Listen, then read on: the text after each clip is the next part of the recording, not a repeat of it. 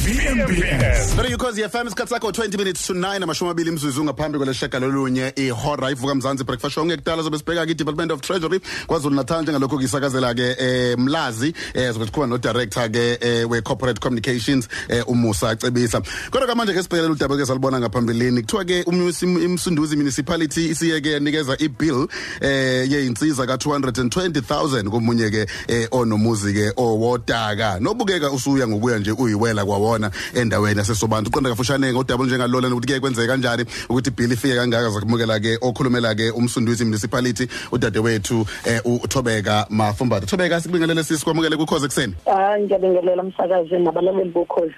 Thobeka umbuzo wokuqala ubani oyayithole ibill yama services kumasipala? Uh umuntu ofela ibill ama services kumasipala umuntu onomuzi okhokha ama rates nalaba esibaqoqela udoti nabakhokhela isuwa kube sekuba ibill futhi yamanzi. kuyaye kube ngifuna ukuqhathanisa abantu abadleza amandla likaPondo nalabo abayihlalela nje emzini yodaka. A rough estimate mawukuthi nginomuzi eh mhlawumbe obiza em ibillion. Ngiyazi ukuthi ngeke kube zibalo nazo eh, zungqoko zama estimate nje siwa- siwabalayo eh bese ngiphinda ngibe nomuzi obiza ngempela ngempela okubhedayo owakhiwe nge- nge- ngemali yodaka. How ma- malini engayikhokha emzini wami webillion malini engayikhokha i rough estimate emzini wodaka? Eh umsakazi a- angifuni ukuthi sikomparishe kanjalo ngokwama billion because eh, into esiye siyibuke mangaba kukhokhiswa kuye kubukwe ukuthi wena sigcineza mhlawumbe uzosola ukuthi ungahlala endlini yodaka kodwa usola ukuthi ngihlala lapho niba u20 omunye umuntu ahlala emzini webillion but uthola ukuthi yena uconsumer kwakhe ama services